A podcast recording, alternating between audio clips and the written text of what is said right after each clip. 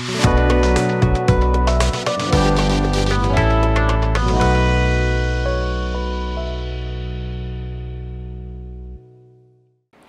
္ဂလာပါရှင်မြန်မာပြည်သူပြည်သားအပေါင်းစိတ်ချမ်းသာခြင်းကိုယ်ရည်ကျန်းမာခြင်းနဲ့ပြည့်စုံကြပါစေလို့ PPTV အဖွဲ့သားတွေအဆုတောင်းမြတ်တာပို့တာပါတယ်ခုတစ်ပတ်တွင်ဖြစ်ပေါ်ခဲ့တဲ့သတင်းတွေနဲ့ပတ်သက်ပြီးသတင်းချင်းချုပ်ကိုကျွန်မစင်စင်ကတင်ဆက်ပေးသွားမှာဖြစ်ပါတယ်ရှင်ပထမဆုံးသတင်းအနေနဲ့ ရှေ့တန်းစခန်းတနေရာကပြည်သူ့ကာကွယ်ရေးတပ်မတော် PDF စစ်တီရဲဘော်တွေကိုအမျိုးသားညီညွတ်ရေးအစိုးရယာယီသမရဒူဝါလက်ရှိလာကတွားရောက်ကြည့်ရှုပြီးတော့ဂုဏ်ပြုစကားပြောကြားခဲ့တဲ့သတင်းပဲဖြစ်ပါတယ်ရှင်။အမျိုးသားညီညွတ်ရေးအစိုးရယာယီသမရဒူဝါလက်ရှိလာကရှေ့တန်းစခန်းတနေရာမှာရှိတဲ့ပြည်သူ့ကာကွယ်ရေးတပ်မတော်ရဲ့စစ်တီရဲဘော်တွေကိုမေလ24ရက်မှာတွားရောက်ကြည့်ရှုအားပေးစကားပြောကြားခဲ့ပါတယ်။ ရဲဘော်တွေကတိုင်းပြည်ရဲ့သူရဲကောင်းတွေဖြစ်တယ်လို့မျှော်လင့်ချက်လည်းဖြစ်တဲ့အတွက်အထူးလေးစားဂုဏ်ယူကြောင်းတော်လှန်ရေးအတွက်အသက်ခန္ဓာကိုယ်ပါရင်းနှီးထားကြတဲ့စစ်တီတော်တွေအပါအဝင်ခုခံတွန်းလှန်စစ်မှာပါဝင်နေကြသူအလုံးကိုတမိုင်းကကောင်းစွာမော်ကွန်းကပီးတင်ထားပြီးဖြစ်တယ်လို့အဲ့ဒီအရင်နှီးတွေကလုံးဝပျောက်ပြတ်သွားမှာမဟုတ်ပဲထိုက်တန်တဲ့အကျိုးရလဒ်ကောင်းတွေမုတ်ချရရှိမှာသိကြတယ်လို့ယာယီသမရကစစ်တီရဲဘော်တွေကိုပြောကြားပါတယ်။ PDF တက်မတော်ဟာအနာဂတ်ဖက်ဒရယ်တက်မတော်တိဆောက်ရမှာလဲအဓိကအရေးကြီးတဲ့အခန်းကဏ္ဍမှာပါဝင်မှာဖြစ်တဲ့အတွက်အခုကတည်းကဖက်ဒရယ်စနစ်နဲ့ဒီမိုကရေစီသဘောတရားတွေကိုလက်ကင်ပြုကျင့်ကြံမှုလိုအပ်ကြောင်းပြည်သူစန္ဒကိုမဆန့်ကျင်မှုအထူးလိုအပ်ပြီး professional စံပြတက်မတော်တရဲ့အဖြစ်ရည်တည်နိုင်ရဲ့အတွက်ပြည်သူနဲ့တသားတည်းရှိမှုစီကံကောင်းမှုမှုအမိတ်နာခံမှုစွမ်းရည်ပြေဝမှုတို့ကအရေးကြီးရဲ့လို့ယာယီသမရကဆက်လက်ပြောကြားပါတယ် ဆက်လက်တင်ဆက်ပေးမယ့်သတင်းကတော့မြမတမိုင်းမှာပထမဦးဆုံးကိုပိုင်တက်တဲ့ပြည်သူအစိုးရတရက်ပေါ်ပေါက်လာနေပြီလို့ပညာရေးဝန်ကြီးဒေါက်တာဇော်ဝေဆိုးကပြောကြားတဲ့သတင်းပဲဖြစ်ပါတယ်ရှင်။မြမတမိုင်းမှာပထမဦးဆုံးကိုပိုင်တက်တဲ့ပြည်သူအစိုးရတရက်ပေါ်ပေါက်လာနေပြီလို့ပညာရေးဝန်ကြီးဒေါက်တာဇော်ဝေဆိုးကမေ29ရက်မှာဗီတိန်နိုင်ငံလန်ဒန်မြို့မှာကျင်းပခဲ့တဲ့ဗီတိန်နိုင်ငံရောက်မြန်မာမိသားစုတွေနဲ့တွေ့ဆုံပွဲမှာပြောကြားခဲ့တာဖြစ်ပါတယ်။ နေဦးတော်လှန်ရေးမှာပြည်သူလူထုရဲ့ပါဝင်မှုကဘယ်ခေတ်ကနေမှမတူအောင်ပါဝင်နေကြကြောင်းတိုင်းရင်းသားလက်နက်ကိုင်အဖွဲ့အစည်းတွေနဲ့လည်းပို့ပြီးစီးလုံးလာပြီးနိုင်ငံတကာဆက်ဆံရေးကလည်းအောင်မြင်နေတယ်လို့ဒေါက်တာဇော်ဝေဆိုးကပြောပါတယ်။ NUG ကာကွယ်ရေးဝန်ကြီးဌာနကစနစ်တကျစုပွဲလေ့ကျင့်ထားတဲ့ PDF တွေ local PDF တွေအပါအဝင်စုစုပေါင်း909ဖွဲ့လောက်ရှိပြီးလက်ရှိမှာလက်နက်လုံလောက်အောင်တက်ဆင်ပေးနိုင်မှုလိုအပ်နေတဲ့အပြင်မြေပြင်မှာပဇင်းပစ်တွေကိုတောင်းဆိုနေကြတယ်လို့ဝန်ကြီးကပြောပါတယ်။အ ဓိကဗျူဟာ၅ခုနဲ့သွားတာမှာဘယ်ဗျူဟာမှရက်နေရလည်းမရှိဘူးတန်းနေရလည်းမရှိဘူးကြာဆုံးတာလည်းမရှိဘူးတောက်လျှောက်တက်နေတာဖြစ်တဲ့အတွက်ကျွန်တော်တို့ရဲ့ဒီနေ့တော်လန်ရေးဟာအောင်မြင်နေတာတော့သိကြတယ်လို့ဒေါက်တာဇော်ဝေဆိုးကပြောပါတယ် အဲ့ဒီတွေ့ဆုံပွဲကဝင်ကြီးဒေါက်တာဇော်ဝေဆိုးအတွက်အွန်လိုင်းကမဟုတ်ပဲလူလူနဲ့ပထမဆုံးတွေ့ဆုံဟောပြောဝင်ရတဲ့အခမ်းအနားတစ်ခုဖြစ်ပြီးတော်လန်ရေးနဲ့ပတ်သက်တဲ့မြေပြင်အခြေအနေတွေနဲ့ NUG အစိုးရရဲ့အဓိကဗျူဟာ9ရက်စလုံးကိုအသေးစိတ်ရှင်းလင်းဆွေးနွေးခဲ့တယ်လို့သိရပါတယ်ရှင်။ ဆက်လက်တင်ဆက်ပေးမယ့်သတင်းကတော့အကြမ်းဖက်စစ်ကောင်စီဟာ NCA စာချုပ်ဝင်အဖွဲ့အစည်းတွေနဲ့ဆွေးနွေးညှိနှိုင်းအပေးယူလုပ်ပိုင်ခွင့်လုံးဝမရှိပဲစစ်ကောင်စီရဲ့ဘယ်လိုဆွေးနွေးညှိနှိုင်းမှုနဲ့အပေးယူမှန်သမျှတရားမဝင်တဲ့အတွက်အတိမတ်မပြုဘူးလို့ NUG ကထုတ်ပြန်လိုက်တဲ့သတင်းဖြစ်ပါတယ်။အကြမ်းဖက်စစ်ကောင်စီက NCA စာချုပ်ဝင်အဖွဲ့အစည်းတွေနဲ့ဆွေးနွေးညှိနှိုင်းအပေးယူပြုပိုင်ခွင့်လုံးဝမရှိပဲဘယ်လိုဆွေးနွေးညှိနှိုင်းမှုနဲ့အပေးယူပြုလုပ်မှုမှန်သမျှတရားမဝင်သည့်အတွက် အတိမတ်ပြုလက်ခံမီမဟုတ်ဘူးလို့အမျိုးသားညီညွတ်ရေးအစိုးရကဇွန်လ၁ရက်မှာထုတ်ပြန်ကြေညာခဲ့ပါတယ်။2015ခုနှစ်ကချုပ်ဆိုခဲ့တဲ့တနိုင်ငံလုံးပြစ်ခတ်တိုက်ခိုက်မှုရဲစဲရေးသဘောတူစာချုပ် NCA ကပြည်ထောင်စုအစိုးရနဲ့တိုင်းရင်းသားအဖွဲ့အစည်းများအကြားချုပ်ဆိုခဲ့တဲ့သဘောတူညီမှုဖြစ်ပြီးတော့အကြမ်းဖက်အဖွဲ့အစည်းဖြစ်တဲ့စစ်ကောင်စီကပြည်ထောင်စုအစိုးရပုံစံနဲ့ တရားဝင်အဖွဲ့အစည်းတွေရဲ့ဆွေးနွေးညှိနှိုင်းအပေးယူပြုပိုင်ခွင့်လုံးဝမရှိဘူးလို့ထုတ်ပြန်ချက်မှာဖော်ပြထားပါတယ်။အချမ်းဘက်စစ်ကောင်စီနဲ့ဆွေးနွေးညှိနှိုင်းအပေးယူပြုလုပ်မှုမှန်သမျှတရားမဝင်ကြောင်းနဲ့အဲ့ဒီဆွေးနွေးညှိနှိုင်းမှုတွေအပေးယူပြုလုပ်မှုတွေကိုအမျိုးသားညီညွတ်ရေးအစိုးရနဲ့ဘယ်အစိုးရကမှအတိမတ်ပြုလက်ခံမှာမဟုတ်ကြောင်းနဲ့နိုင်ငံတော်ရဲ့စစ်မှန်တဲ့အချုပ်အခြာအာဏာကလွတ်လပ်ပြီးတရားမျှတတဲ့ရွေးကောက်ပွဲမှာတဆင့် ပြည်သူလူထုကတရားဝင်အာဏာအနှင်းထားတဲ့အမျိုးသားညီညွတ်ရေးအစိုးရမှသာတည်ကြောင်းလဲထုတ်ပြန်ချက်မှာဖော်ပြထားပါတယ်။အမျိုးသားညီညွတ်ရေးအစိုးရကအကြမ်းဖက်စစ်ကောင်စီကိုအကြမ်းဖက်မှုတိုက်ဖျက်ရေးဥပဒေနဲ့အညီ2021ခုနှစ်ဇွန်လ9ရက်နေ့ရက်စွဲနဲ့အကြမ်းဖက်အဖွဲ့အစည်းအဖြစ်ကြေညာထားပြီးဖြစ်ကြောင်းစစ်ကောင်စီရဲ့ကျူးလွန်ခဲ့တဲ့ရာဇဝတ်မှုလူသားမျိုးနွယ်အပေါ်ရာဇဝတ်မှုနဲ့လူမျိုးတုံးတပ်ဖြတ်မှုတွေအတွက်ကမ္ဘာတရားခွင်မှာပြစ်ဒဏ်ချမှတ်ခံရမယ့်အဖွဲ့အစည်းလေးဖြစ်တယ်လို့ဖော်ပြထားပါတယ်။ဒ မင်းအောင်လှိုင်ဦးဆောင်တဲ့အကြမ်းဖက်စစ်ကောင်စီကလက်တလုံးမှာတိုင်းရင်းသားအဖွဲ့အစည်းအချို့နဲ့တွစ်ဆုံမှုတွေပြုလုပ်နေချိန်မှာအမျိုးသားညီညွတ်ရေးအစိုးရကကြေညာချက်ထုတ်ပြန်ခဲ့တာဖြစ်ပါတယ်ရှင်။ဆက်လက်တင်ဆက်ပေးမယ့်သတင်းကတော့ရန်ကုန်ဘုံကွဲမှုမှာအရက်သားပြည်သူတွေကိုပြစ်မှတ်ထားတိုက်ခိုက်တဲ့အကြမ်းဖက်လုပ်ရက်ကိုပြင်းထန်စွာရှုံချပြီးတရားမျှတမှုပြန်လည်ရရှိစေရေးအတွက်စုံစမ်းစစ်ဆေးဖော်ထုတ်အရေးယူသွားမယ်လို့ NUG ကထုတ်ပြန်ကြေညာလိုက်တဲ့သတင်းပဲဖြစ်ပါတယ်ရှင်။ ရန်ကုန်ဘုံကွဲမှုမှာအရက်သားပြည်သူတွေကိုပြစ်မှတ်ထားတိုက်ခိုက်တဲ့အကြမ်းဖက်လုပ်ရက်ကိုပြင်းထန်စွာရှုံချပြီးအခုလိုလုပ်ရက်တွေကိုတရားမျှတမှုပြန်လည်ရရှိစေရေးအတွက်စုံစမ်းစစ်ဆေးဖော်ထုတ်အရေးယူသွားမယ်လို့အမျိုးသားညီညွတ်ရေးအစိုးရကာကွယ်ရေးဝန်ကြီးဌာနကမေလ31ရက်မှာထုတ်ပြန်ကြေညာပါတယ်။ရန်ကုန်မြို့အနော်ရထလမ်းမော်ရှိဘာလန်ကားမှတ်တိုင်မှာလူစီကားရနေရာမှာမေလ31ရက်နေ့နေ့လယ်3နာရီကျော်အချိန်တွင်အရက်သားပြည်သူ9ဦးထပ်မံထိခိုက်ဒဏ်ရာရရှိက သေဆုံးမှုများရှိခဲ့တဲ့အတွက်ဘုံပေါက်ကွဲမှုနဲ့နောက်ဆက်တွဲပေါက်ကွဲမှုတွေထပ်မံဖြစ်ပွားခဲ့ပါတယ်။အမျိုးသားညီညွတ်ရေးအစိုးရကာကွယ်ရေးဝန်ကြီးဌာနအနေနဲ့လူမျိုးပေါင်းစုံပြည်သူလူထုရဲ့လုံခြုံရေးကိုကာကွယ်စောင့်ရှောက်ရန်ရည်မှန်းချက်ရည်ရွယ်ချက်တွေအဖြစ်ထည့်သွင်းက Federal Democracy ပြည်ထောင်စုထူထောင်နိုင်ရေးအတွက်စ조사ဆောင်ရွက်လျက်ရှိရာအခုလိုရသက်ပြည်သူတွေကိုပြစ်မှတ်ထားတိုက်ခိုက်တဲ့အကြမ်းဖက်လုပ်ရက်ကိုပြင်းထန်စွာရှုံချတယ်လို့ထုတ်ပြန်ကြေညာခဲ့ပါတယ်။ တမိုင်းတစ်လျှောက်အာနာတီမြဲရေးအတွက်ပြည်သူလူထုရဲ့အသက်အိုးအိမ်စည်းစိမ်ကိုထင်သလိုပြုမှုခဲ့ပြုမှုလျက်ရှိတဲ့အကြမ်းဖက်စစ်ကောင်စီအနေနဲ့ပြူစောတီ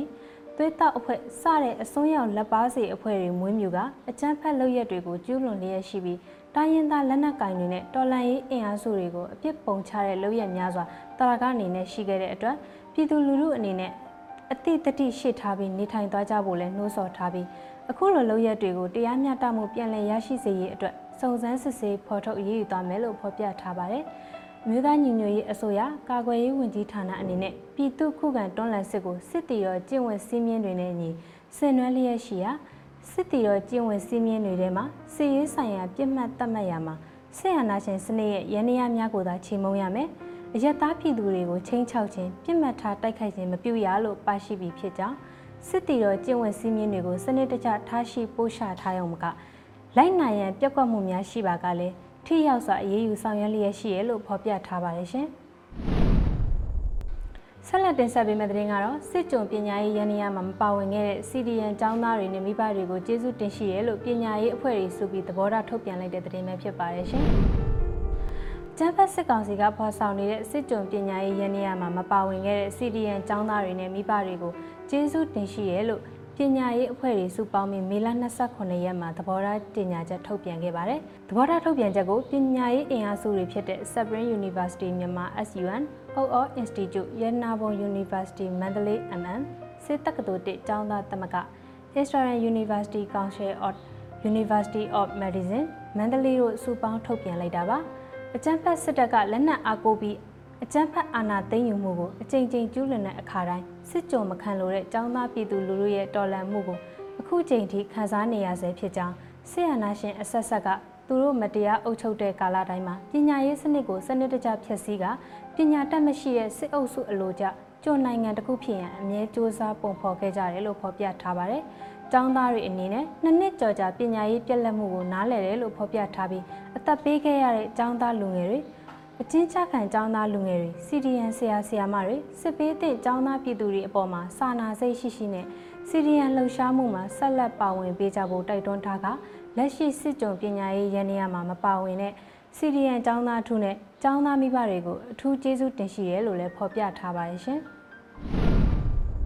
ဆက်လက်တင်ဆက်ပေးမယ့်သတင်းကတော့အကြမ်းဖက်စစ်ကောင်စီရဲ့လူသားချင်းစာနာထောက်ထားမှုလုပ်ငန်းစဉ်ကိုဆက်မလို့ရန်လူသားချင်းစာနာထောက်ထားရေးနဲ့ဘေးအန္တရာယ်ဆိုင်ရာစီမံခန့်ခွဲရေးဝန်ကြီးဌာနနဲ့တော်လှန်ရေးတပ်ဖွဲ့တွေပူးတွဲကြေညာချက်ထုတ်ပြန်ခဲ့တဲ့သတင်းပဲဖြစ်ပါတယ်ရှင်။ပြည်သူအလုံးကိုအကျိုးမပြုတဲ့အကြမ်းဖက်စစ်ကောင်စီရဲ့လူသားချင်းစာနာထောက်ထားမှုလုပ်ငန်းစဉ်ကိုဆက်မလုပ်ဖို့အမျိုးသားညီညွတ်ရေးအစိုးရလူသားချင်းစာနာထောက်ထားရေးနဲ့ဘေးအန္တရာယ်ဆိုင်ရာစီမံခန့်ခွဲရေးဝန်ကြီးဌာနက ရင်ကရင်နီနဲ့ချင်းတော်လှန်ရေးတပ်ဖွဲ့တွေကမေလ30ရက်မှာပူးတွဲသဘောထားထုတ်ပြန်ကြေညာပါတယ်။မကြာမီကကမ္ဘောဒီးယားနိုင်ငံမှာပြုလုပ်ခဲ့တဲ့အာဆီယံရဲ့လူသားချင်းစာနာထောက်ထားမှုဆိုင်ရာအကြက်အတဲအစည်းအဝေးမှာအကူအညီတွေကိုစစ်ကောင်စီကတဆင့်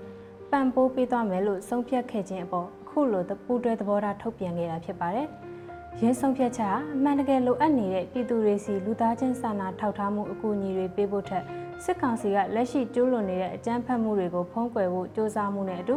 အကူအညီတွေကိုစစ်ကောင်စီကလက်နက်တပွဲအသုံးပြုဖို့ဖြစ်လာစေမယ်လို့ထုတ်ပြန်ထားပါတယ်။တသက်ဆိုင်သူတွေပါအောင်မှုမရှိဘဲချင်းကပ်တဲ့နီလန်းကိုပြန်လည်စဉ်းစားရန်စမ်းစစ်လစ်လာမှုနဲ့အကူအညီပေးရေးအစီအစဉ်တွေကိုပြန်လည်သုံးသပ်ရေးရေးဆွဲရန် တောင်းဆိုခဲ့ပေမဲ့လက်ရှိပြည်ပခါမှာပါဝင်နေကြတဲ့သက်ဆိုင်ရာပဲအဖွဲ့အစည်းနဲ့မှဆွေးနွေးတိုင်ပင်ခဲ့ခြင်းမရှိဘူးလို့ထုတ်ပြန်ချက်မှာဖော်ပြထားပါတယ်။ခိုင်လုံစွာရေးသားပြုစုထားတဲ့အဆိုပြုချက်တွေအပါအဝင်နိုင်ငံအတွင်းဘေးဒုက္ခခံစားနေရသူတွေကိုလူသားချင်းစာနာထောက်ထားမှုအကူအညီပေးရခြင်းလုပ်ငန်းတွေဆောင်ရွက်ရမှာဗတ်လိုက်မှုမရှိစေဖို့နဲ့ထိရောက်စွာပေးပို့နိုင်ရေးအတွက်ကုလသမဂ္ဂနဲ့အခြားဖွဲ့စည်းတွေကိုဒီဇိုင်းမမတ်တောင်းဆိုခဲ့ပေမဲ့နိုင်ငံတကာအတိုင်းအဝိုင်းအများစုကတောင်းဆိုချက်တွေအပေါ် တုံ့ပြန်မှုမရှိခြင်းကိုလည်းစိတ်ပြက်မိရလို့ဖော်ပြထားပါတယ်။ဆက်လက်တင်ဆက်ပေးမယ့်သတင်းကတော့ KMTF ကိုအတိမတ်ပြုပံ့ပိုးနေတဲ့ကာကွယ်ရေးဝန်ကြီးဌာနကိုကျေးဇူးတင်ရှိရဲလို့ KMTF ဥက္ကဋ္ဌခွန်ပီထူကပြောကြားလိုက်တဲ့သတင်းပဲဖြစ်ပါတယ်ရှင်။ကရင်နီအမျိုးသားများကာကွယ်ရေးတပ်ဖွဲ့ KMTF ကိုအတိမတ်ပြုပြီးပံ့ပိုးနေတဲ့အမျိုးသားညီညွတ်ရေးအစိုးရကာကွယ်ရေးဝန်ကြီးဌာနကိုကျေးဇူးတင်ရှိရဲလို့ KNTF ဥက္ကဋ္ဌ ခွန်ပီထူကမေ31ရက်မှာကြာရောက်တဲ့ KNTF တစ်နှစ်ပြည့်မေကွန်မှာထည့်သွင်းပြောကြားလိုက်တာပါ KNTF ကိုညီနောင်တပွဲစောင့်ရှောက်တဲ့တပ်တွေနဲ့စီရေးတွေမှာချိတ်ဆက်ပါဝင်နေတဲ့တပ်တွေအားလုံးကိုကျေးဇူးတင်ကြောင်း KNTF ကိုအတိမတ်ပြုပြီးပံ့ပိုးနေတဲ့ NUG ရဲ့ MOD ကိုလည်းကျေးဇူးတင်ကြောင်းနဲ့အထူးသဖြင့်ဤပညာအရာဖြစ်စေငွေကြေးရိတ်ခါအရာဖြစ်စေထောက်ပို့ဆောင်ရွက်နေကြတဲ့ပြည်သူထောက်ပို့တပ်သားတပ်ဖွဲ့အားလုံးကျေးဇူးတင်ကြောင်း KMT ရဲ့ဥက္ကဋ္ဌခွန်ပီထူကပြောကြားလိုက်တာပါ။ ဒါအပြင်စိတ်ဝမ်းကွဲခြင်းကရန်သူစစ်ကောင်စီအတွက်အားဖြစ်စေတဲ့အတွက်ညီညွတ်မှုနဲ့အင်အားစုအားလုံးကိုချိတ်ဆက်ပြီးအရေးတော်ပုံအောင်နိုင်ရေးလက်တွဲတိုက်ပွဲဝင်သွားကြဖို့နဲ့ကရင်နီပြည်နယ်မှာအစင်လာရှိတဲ့လက်နက်ကင်အဖွဲ့အစည်းများစွာရှိနေရအဲ့ဒီအဖွဲ့အစည်းအသီးသီးဟာညီညွတ်ပြီးတော့ KNTF နဲ့တသားတဲ့ပူပေါင်းဆောင်ရွက်လာမယ့်နေ့ရက်ကိုလည်းမျှော်လင့်နေရလို့ခွန်ပီထူကပြောပါတယ်။ မကြတော့တဲ့အချိန်မှာအကြမ်းဖက်စစ်ကောင်စီကိုနိုင်ငံတကာခုံရုံးတွေမှာတရားစွဲပြီးတရားမျှတမှုဖော်ထုတ်နိုင်လိမ့်မယ်လို့ယုံကြည်ကြောင်းနဲ့ရေးတော်ပုံအောင်မြင်တဲ့အချိန်ကြာဆုံးသွားတဲ့ရဲဘော်တွေပြည်သူတွေရဲ့နစ်နာခဲမှုတွေကိုလည်း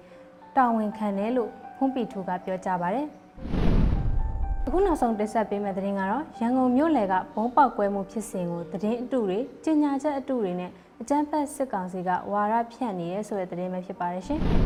။ရန်ကုန်မြို့လယ် ဘာလမှတ်တိုင်မှာဖြစ်ပွားခဲ့တဲ့ဘုံပေါက်ကွဲမှုဖြစ်စဉ်နဲ့ပတ်သက်ပြီးတော့သတင်းအတုတွေကြေညာချက်အတုတွေတုံးပြီးအကြမ်းဖက်စစ်ကောင်စီကဝါရဖြန့်ချီနေပါတယ်။အခုထွက်လာတဲ့ People's Defense Force ဆိုတာအရင်တစ်ချိန်လုံးကလည်းချိန်သားကြိုက်သတင်းအတုထုတ်ခဲ့ဘူးတယ်။အဲ့ဒီတက်သေးစာတွေရှိရဲအခုလဲချိန်သားကြိုက်ထပ်ပေါ်လာတာလို့သတင်းရင်းမြစ်တအုပ်က PPTV ကိုပြောပါတယ်အချက်လက်စစ်ဆေးမှုတွေအရ People Defense Force ရဲ့ထုတ်ပြန်ချက်ကိုတရားဝင်ထုတ်ပြန်တဲ့ Facebook page Telegram Channel တွေကိုမတွေ့ရဘဲ အကြမ်းဖက်စစ်ကောင်စီရဲ့ lobby တွေဖြစ်တဲ့ကြော်စွာ Telegram နဲ့ Force Telegram Channel တွေကနေဖော်ပြလာတာတွေ့ရပါတယ်အလားတူ Facebook မှာလည်းအကြမ်းဖက်စစ်ကောင်စီနဲ့ပတ်သက်တဲ့ post တွေတင်တာတော်လှန်ရေးတပ်ဖွဲ့တွေကိုပုတ်ခတ်ပြောဆိုတဲ့အကောင့်တွေကလည်း People Defense Force ရဲ့ထုတ်ပြန်ချက်ကိုပြန်လည်တင်ထားပြီးပြည်သူတွေနဲ့တော်လှန်ရေးတပ်ဖွဲ့တွေကြားသွေးထိုးတဲ့အသုံးနှုန်းတွေနဲ့ရေးသားနေတာတွေ့ရပါတယ်။မြို့သားညီညွတ်ရေးအစိုးရကတော့ပြည်သူတွေကိုအကြမ်းဖက်လှုပ်ဆောင်ခဲ့သူတွေကိုအရေးယူမှာဖြစ်တဲ့အကြောင်းကြေညာချက်ထုတ်ပြန်ထားပါတယ်။ ဒါကတော့တပတ်တွင်းဖြစ်ပေါ်ခဲ့တဲ့သတင်းကျဉ်းချုပ်ကိုတင်ဆက်ပေးခဲ့တာပဲဖြစ်ပါတယ်။ကျေးဇူးတင်ပါတယ်ရှင်။